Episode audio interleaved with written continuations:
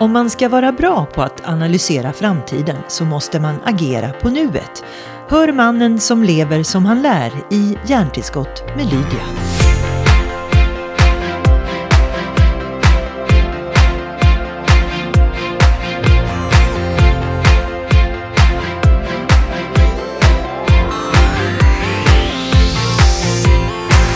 Stefan Hyttfors, eh, jag tänkte börja faktiskt eh, och ta avstamp eh, i eh, historien snarare än framtiden, trots att du numera eh, fokuserar väldigt mycket på framtiden. Eh, våra vägar korsades bland annat när du var bildchef på Expressen och anledningen till att jag tar upp detta det är för att du var ju hela tiden med i samtiden och bevakade med eh, ögat och med bilder. Hur kan det vara så att du redan där eh, manade någon slags eh, eh, önskan om att se in just i framtiden? Absolut, jag tror att eh, om man ska gå till sig själv och försöka, det gör vi ju alla lite bitvis i alla fall, försöka lära sig lite mer om vem är jag. Eh, jag hoppas att alla tänker så ibland i alla fall.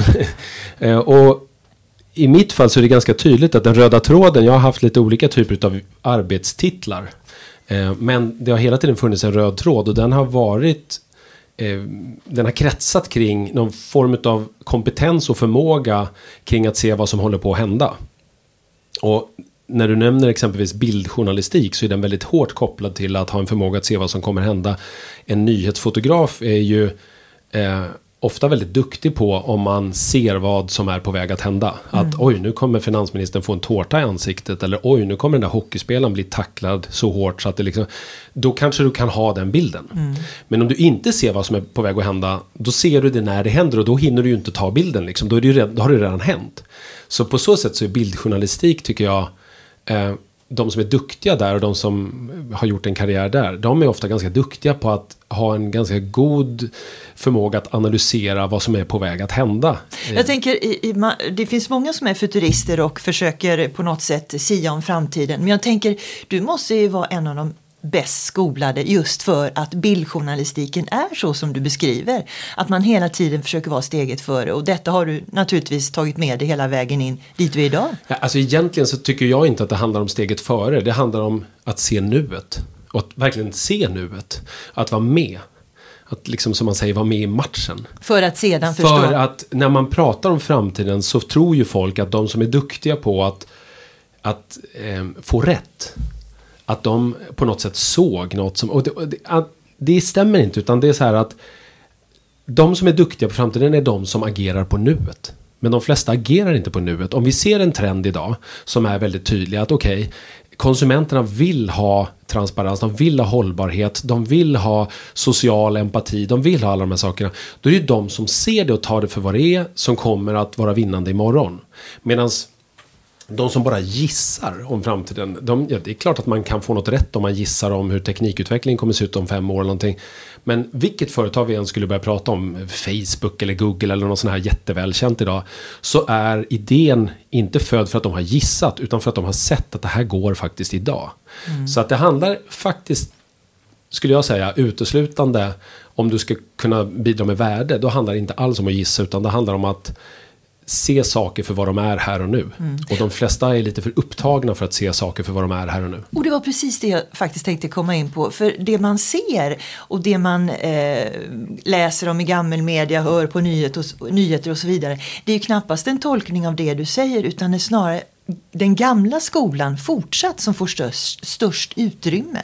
Ja, och återigen då, det är ju det är först när eh, när man har kört i diket, och in, om vi pratar näringslivet, när man, när man är utraderad eller har försvunnit ifrån någon topplista eller till och med gått i konkurs. Det är först då vi på något sätt säger så hur kunde det gå så här? Mm. Istället för att bara acceptera att, nej men vänta, det börjar mycket tidigare. Um, det är ju som Hemingway skrev där. Det är lätt att försvara, eh, förklara en konkurs. It's first gradually and then suddenly. Uh, så att återigen, vi har ju en tradition och en historik utav att räkna framgång i olika typer av mätbara eh, nyckeltal.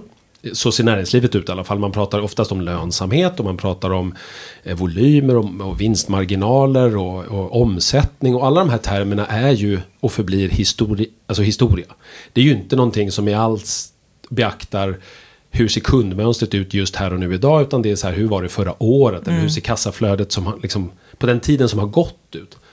Um, och vi måste ju kanske börja acceptera tanken på att om förändringshastigheten ökar och om man inte längre måste vara stor för att bestämma åt vilket håll en marknad ska utvecklas.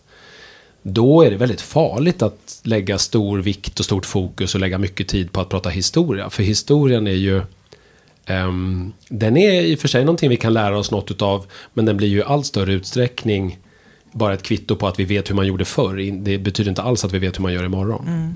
Eh, det har ju framgått i alla fall att både du och jag eh, har lite koll på tv-serien Bart Simpson. Ja.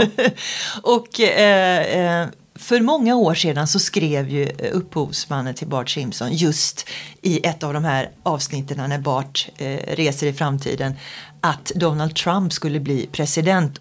Han såg ju någonting som ingen annan kunde se. Varför gjorde han det tror du? Ja, det är, jag tycker det är ett bra exempel på att se nuet istället för att gissa han ser nuet, i det här exemplet då, när han gör det här avsnittet för 19 år sedan, då ser han nuet. Att oj, det håller på liksom att urarta, människor tappar förtroende för politik politiken som helhet och för politiker i synnerhet. Och politikerföraktet tilltar och vi lever i en tid där vi tar demokratin för given och vi kanske inte ens orkar sätta oss in i frågor utan vi... Allting blir mer och mer polariserat och, och det här bygger liksom på samhällsförändringen. Det bygger på den enskilda individens ångest över att kanske inte klara sig imorgon. Att oj, nu kommer globalisering och hota mitt jobb. Och, oj, nu kommer en finanskris och hota mina pensionsbesparingar. Och, oj, nu, liksom, de här kommer på pärlband. Och på 80-talet, 70-talet, 60-talet då hade man inte den synen utan då tänkte man på auktoritet att de har koll på vad de gör och det här, man litade på systemet. Idag är det fler och fler som inte litar på det. Och det såg han då när han gjorde det här avsnittet och så tänkte han så här, vad skulle vara det mest bizarra eh, liksom exemplet på att det här spårar ur totalt? Eh, och då tar han då den som han då tycker för 19 år sedan den mest bizarra figuren som någon form av maskot för det här i Donald Trump och sätter honom som president. Och så när det här avsnittet då eh, har premiär i mars år 2000 då då tycker folk såklart att det är fruktansvärt roligt att eh, de har liksom den här eh, konstiga figuren ifrån New Yorks fastighetsvärld som bara ljuger och, och mobbar folk och sluggar att han har blivit folkvald ledare för världens mäktigaste nation. Liksom. Men det är ett logiskt liksom, vägval egentligen om du tänker så här att så här bisarrt skulle utvecklingen kunna vara om det här förtroendeföraktet liksom bara fortsätter. Mm. Men det här är också ett bevis på att det är väldigt mycket paradoxer just nu. Eh, ett land och en president som många kanske småler åt och kanske inte tar på allvar. Eh, samtidigt som de, tre, de sex största teknikföretagen vi alltid pratar om, de är amerikanska. Mm. Och det, det, är en enorm paradox och eh, jag personligen vet inte riktigt hur man ska förhålla sig till de här otroliga kontrasterna. Nej, men och det tror jag igen då att varför är de amerikanska? Ja, men det beror ju inte på den den samhällsförändring som sker idag. Utan det beror ju på den samhällsförändring som skedde kanske främst på 50 och 60-talet. Som har lagt grunden för det som då idag är Silicon Valley och tekniköverlägsenheten och hela den amerikanska drömmen och alltihopa. Idag är det ju väldigt tydligt. Om man återigen, om man inte fastnar i det som som politikerna gör. Hur går ekonomin? Hur går börsen och sådana här saker? Det är så här helt ointressant. Bara eh, fokus på idag så är det lätt att se att USA är ett land helt utan vision. Det är bara fokus på det individuella. Och de har ingen gemensam nämnare som liksom de, du skulle, om du frågade amerikanerna vad vill ni som land egentligen så får du liksom helt olika svar. Mm. Och de mynnar alltid ut i någonting med individens framgång. Um, samtidigt som vi lever i en tid där det är väldigt tydligt att ingen utav dagens stora problem går att lösa för en individ och inte för en nation heller utan det krävs olika former av samarbeten. Om vi har klimatförändringar och finanskriser och artificiell intelligens och alla de här grejerna kan vi ju inte sätta bakom murar och gränser för att tekniken liksom, eller klimatförändringarna bryr sig inte om någon passkontroll. Och då måste vi ha gemensamma visioner och måste vi samarbeta mycket bättre. Och i det läget så blir USA ett mer och mer protektionistiskt Eh, och mer och mer räddhågset land då, där individen saknar tro på systemet och, och den gemensamma visionen och bara fokuserar på det, den egna resan. Så att om, om du ger det här 30 år till eller någonting. Då kommer du se konsekvenserna i USA utav den totala eh, liksom kollapsen som ju faktiskt sker idag. Där vi ser ett land där eh, en procentuellt sett stor del utav vuxna befolkningen eh, tar droger för att orka med livet. Barnen går till skolan i snitt en gång om dagen och mördar sina klasskamrater. Alltså det är, det är en nation där människor mår väldigt dåligt. Hur starkt påverkar den här nationen oss idag? Fortfarande jättestarkt såklart i och med att de är världens mäktigaste och världens största och i och med att vi alla också har en relation till dem. Du nämnde att vi exempelvis eh, är beroende av teknikleverantörerna där. Men det är ju inte säkert att de förblir amerikanska om klimatet eh, där blir eh, tillräckligt bisarrt åt endera hållet. Liksom. Mm. Och, det här är ju globala företag. Och i allt detta som du och jag pratar om nu så sitter det ju eh, en ny generation och, och tittar på oss. Och, mm. och, det slog mig nu att både du och jag har ju barn i, i generation Z. Och för de som inte vet vad det är för generation vi pratar om så är det de som är födda slutet 90-talet och en bit in på eh, 2000-talet. Mm. Eh, men de har ju också dubbla eh, eh, förhållningssätt till det vi säger. Och ibland undrar man, vem lär utav vem? Är det vi som ska lära av våra barn eller är det barnen som ska lära av oss? Och både du och jag har säkert stått någon gång och sagt till våra barn att du måste gå i skola, du måste lära dig ett jobb och du ska kunna försörja dig själv. Och de står som frågetecken och ifrågasätter precis allting. Mm. Och, och är det här sunt eller är det någonting som vi måste hörsamma mer?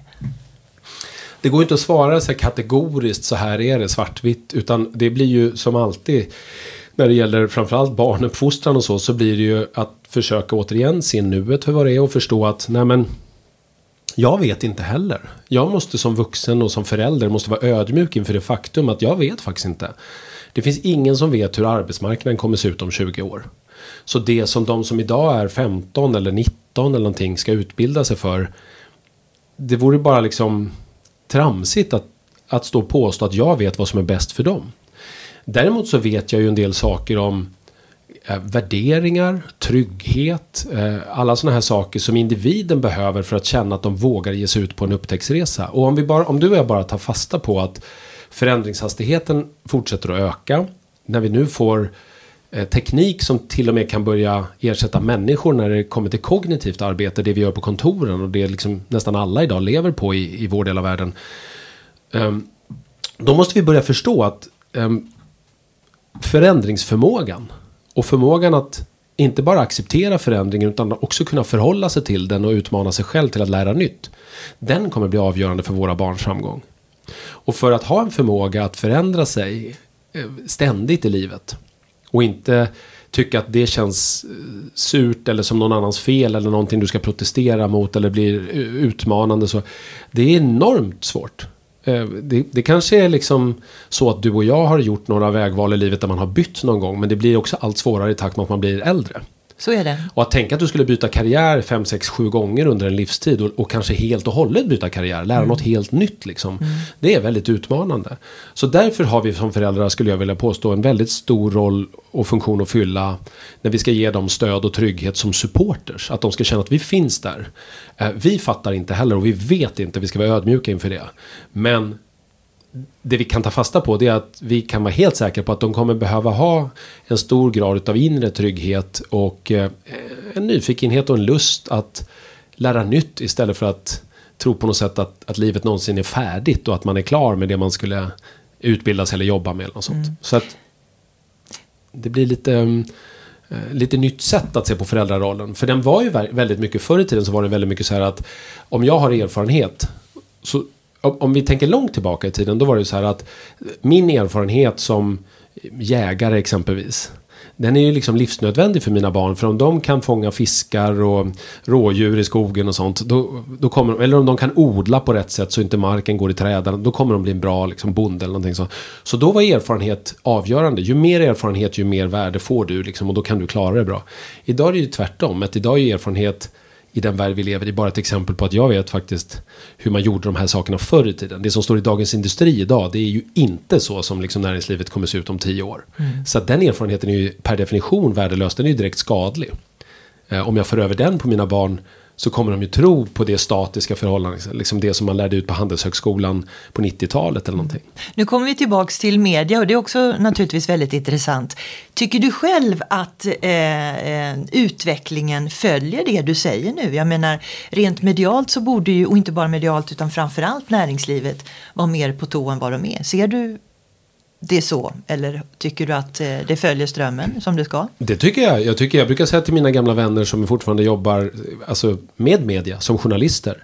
Att det har aldrig funnits en bättre tid som innehållsproducent. Om du producerar en podd eller en text eller om du är duktig på att ta bilder eller något sånt där.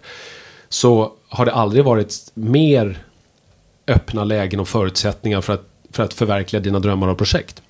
Det stora problemet är bara om du väljer att jobba för ett medieföretag. För att medieföretagen sitter ju på pottan i den här uh, utvecklingen som har uh, drivit uh, liksom maktperspektivet helt bort ifrån den som, som är ägare utav den gamla, om vi kallar det för den gamla tryckpressen. Så mm. du, du har ju liksom ingen fördel längre. Ett medieföretag, när jag växte upp och när du och jag började, hade man ju egentligen två huvud egenskaper. Man kunde producera innehåll som var väldigt högkvalitativt som många hade svårt att producera när jag började fotografera. Då kunde ju folk inte ens ta en skarp bild för det fanns inte ens. Det var svårt liksom. Idag kan du ju det med en telefon. Och sen så kunde man distribution. Så innehållsproduktion och distribution. Så hade du då liksom hela tunnelbanenätverket i en stad eller så och du producerade bra innehåll. Då kunde du liksom ge dig eh, tusan också på att alla som vill nå den här publiken med sina annonser, de kommer komma till mig. Mm. Och då har du de facto en sedelpress. Idag är det precis tvärtom. Idag producerar ju medieföretagen, de ledande, världsledande, Google och Facebook och dem, ingen media själva. Det är ingen innehållsproduktion, utan det får vi göra. Du får göra en podd eller du får lägga upp en bild eller en video på YouTube eller vad du vill. Och de distribuerar inte heller, utan det får vi och vår publik göra och sprida det bäst vi vill. Det de är duktiga på, det är att aggregera och analysera data. Vilket innebär att de samlar in all data om allt det vi gör.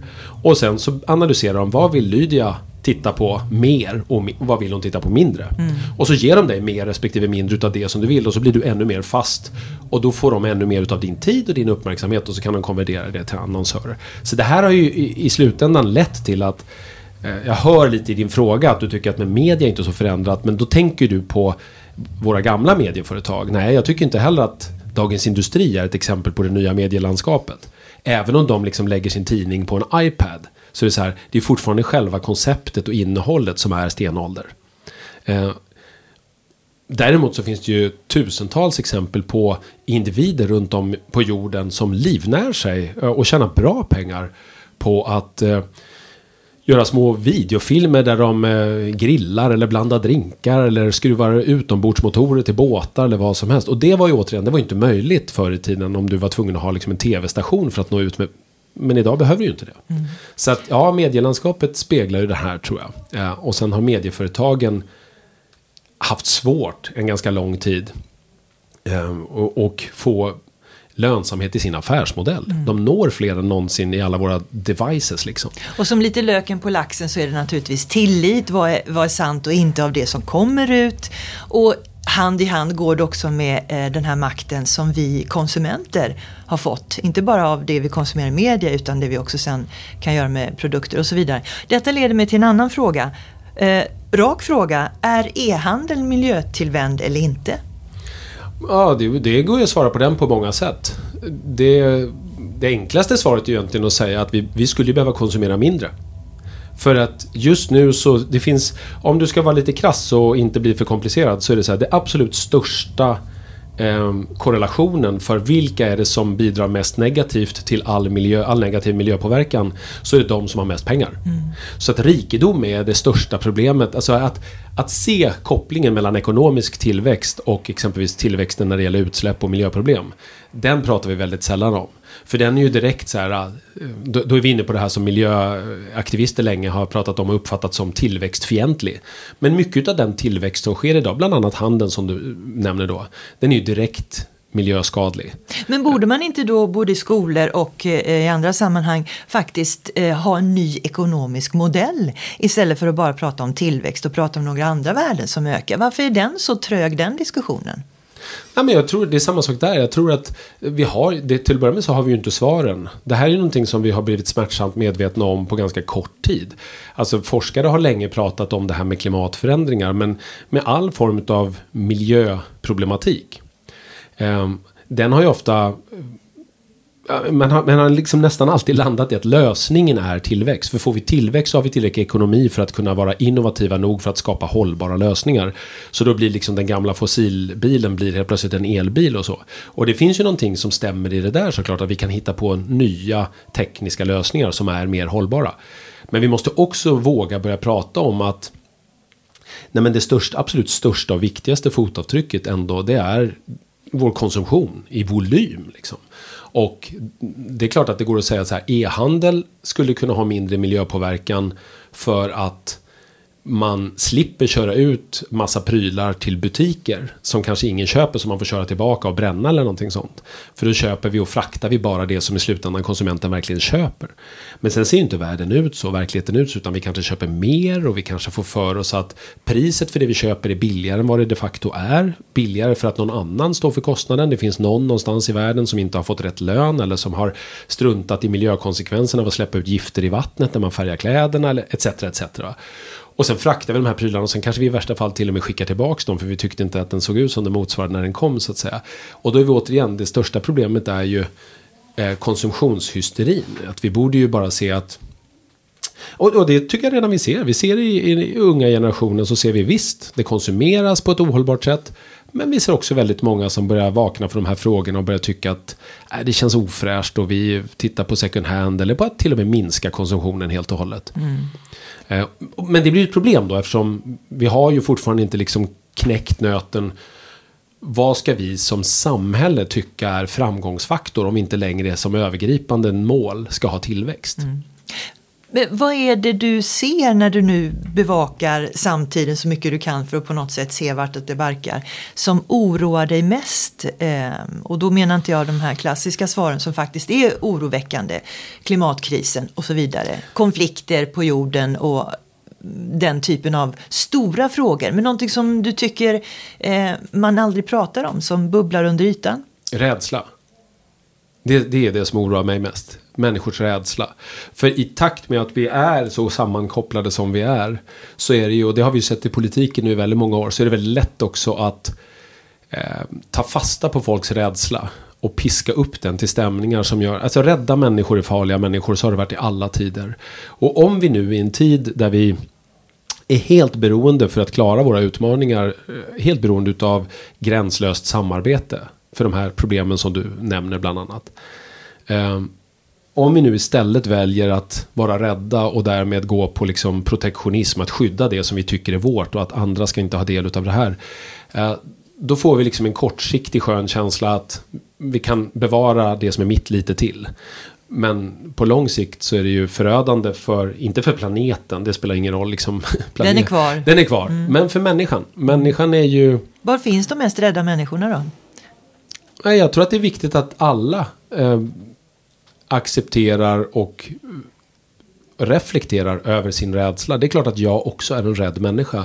Och vad är det som gör mig rädd i vissa lägen? Varför får jag den här klumpen i magen eller den här eh, dåliga känslan i kroppen? Och, och istället för att tro på den, att den är sann, att börja fundera på var den kommer ifrån och vad jag egentligen är rädd för. Och sen också att vara mycket mer noggrann med att ifrågasätta vad är det för typ av sammanhang jag sätter mig i som gör att jag blir så här rädd? För att om jag exempelvis är med på en Facebookgrupp eller om jag konsumerar en viss typ av medieinnehåll som piskar upp den här känslan av att allting faktiskt håller på att gå åt helvete eller allt är fel eller jag ska vara rädd eller någonting sånt. Nu får vi besök mitt i. Så stänger vi dörren. Oj, fick vi lite besök där. Ja, precis. Ja, ja. De var inte rädda. Nej. Um, då är det det är, det är fullständigt förödande, inte bara för mig som individ, om jag låter rädslan ta över. För att det kommer hämma mig i både när det gäller nyfikenheten och tro på att, att vi faktiskt kan utveckla positiva saker. Och sen kommer jag börja också då tro på lösningar som eh, på lång sikt blir protektionistiska och därmed helt omöjliga när vi nu är så många människor på en planet och beroende av att hitta samarbeten. Liksom. Mm. Så, att, så för mig är den, den absolut allvarligaste trenden här och nu, den är rädsla. Och, och, rädsla är ju inte som känsla något nytt, men den är någonting som du faktiskt kan spela på och komma väldigt långt med nu när alla har nätet. Um, det kanske alltid har varit så, men då krävdes det åtminstone torgmöten. Um, och, Förvisso. Ja, men alltså den stora skillnaden skulle jag säga idag, den stora skillnaden idag är att idag kan jag ju prenumerera på min världsbild, den jag vill ha. Jag kan ju vara, oavsett vad jag tycker och tänker, så kan jag bestämma för att jag ska inte höra något argument emot det här. Mm. Utan nu är det så här. Mm. Och det vill jag ha ännu mer utav hela dagen. Och det kommer de här företagen då vara duktiga på att också i mitt flöde servera mig ännu mer utav. Och oavsett vad det är jag tycker och tänker så kommer jag till sist vara helt övertygad om att min rädsla är befogad. Och då blir jag bara en, en väldigt, ur ett samhällsperspektiv, en väldigt skadlig människa.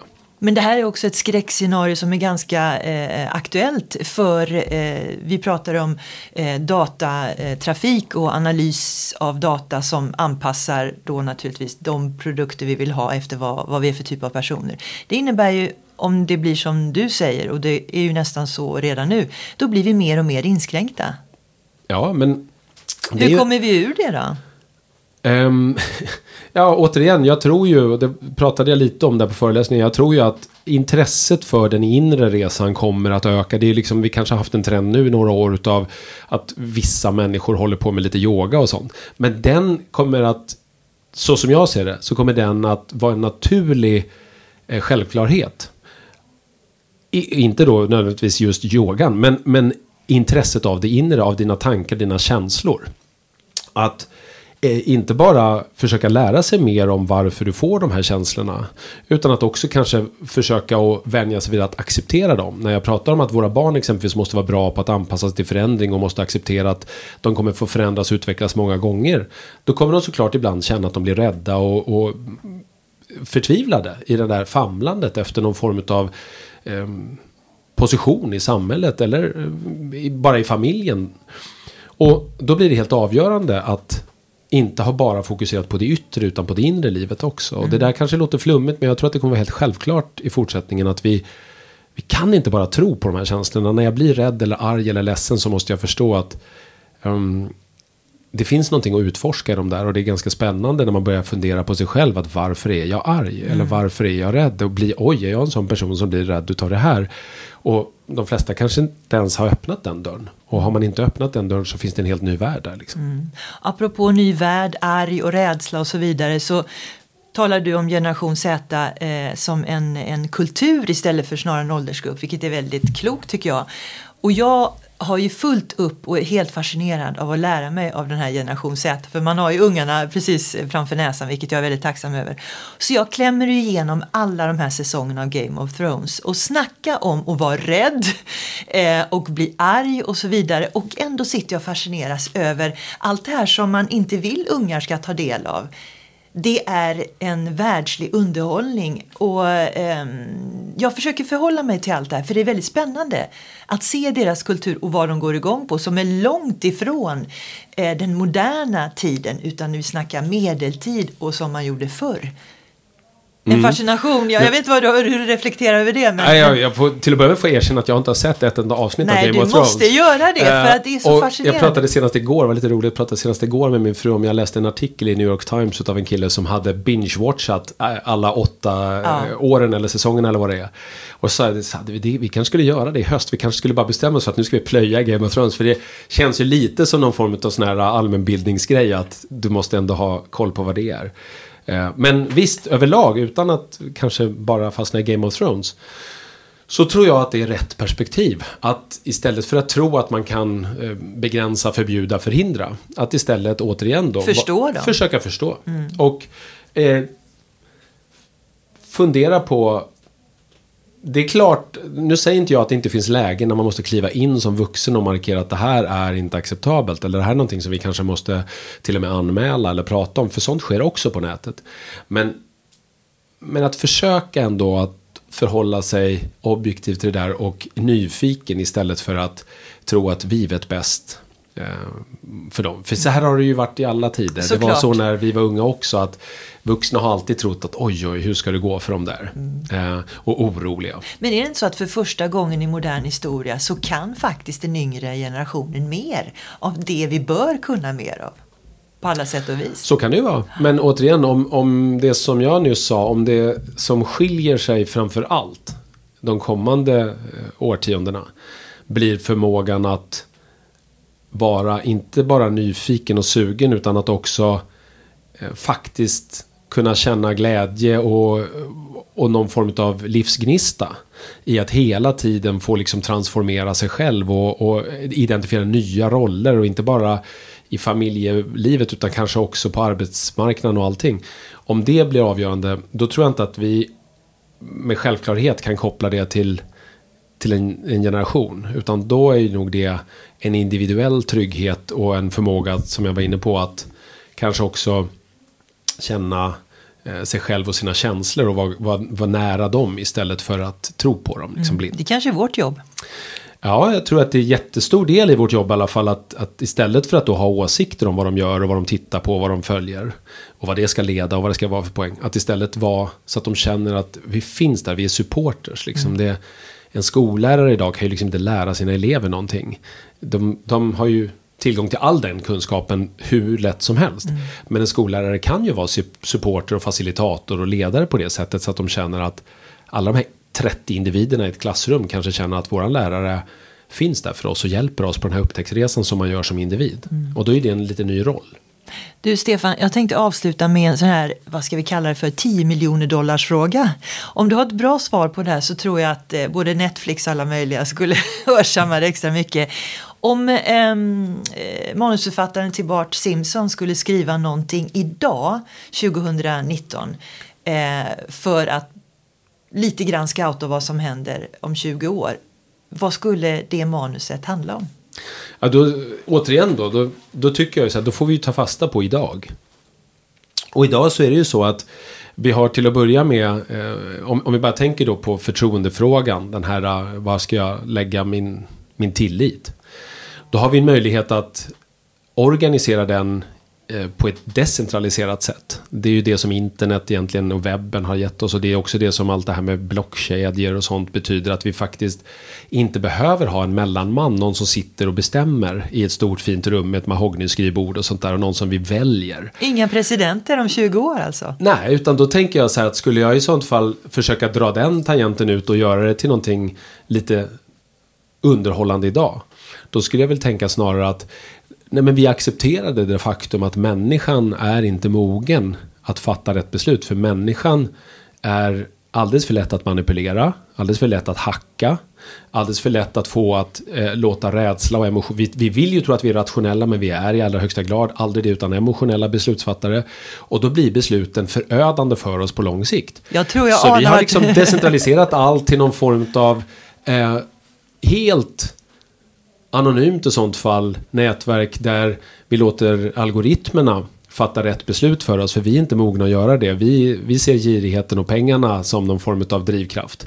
Och så länge vi gör det så då kommer inte mänskligheten att ha så lång, lång tid framöver på den här planeten.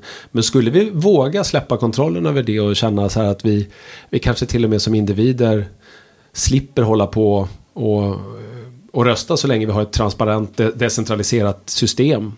Um, då, vad det blir i, i, Simson, det vet jag inte, men det blir väl någon form av uh, eh, robot såklart. Det kan ju inte bara vara en liksom, ansiktslös algoritm. Hollywood brukar ju alltid göra liksom, så att den har något fint ansikte också. Eller något sånt där. Men, uh, jag tycker det här var en fascinerande slutsats av det vi började med. Att hur viktigt det är att observera samtiden. Vi började med bildjournalistiken till att du nu säger luta er tillbaka, låt datorerna fatta de vettiga besluten så får vi ett bra liv allihop. Ja, så framförallt då, när jag säger decentralisering så bygger ett system som kanske inte går att hacka.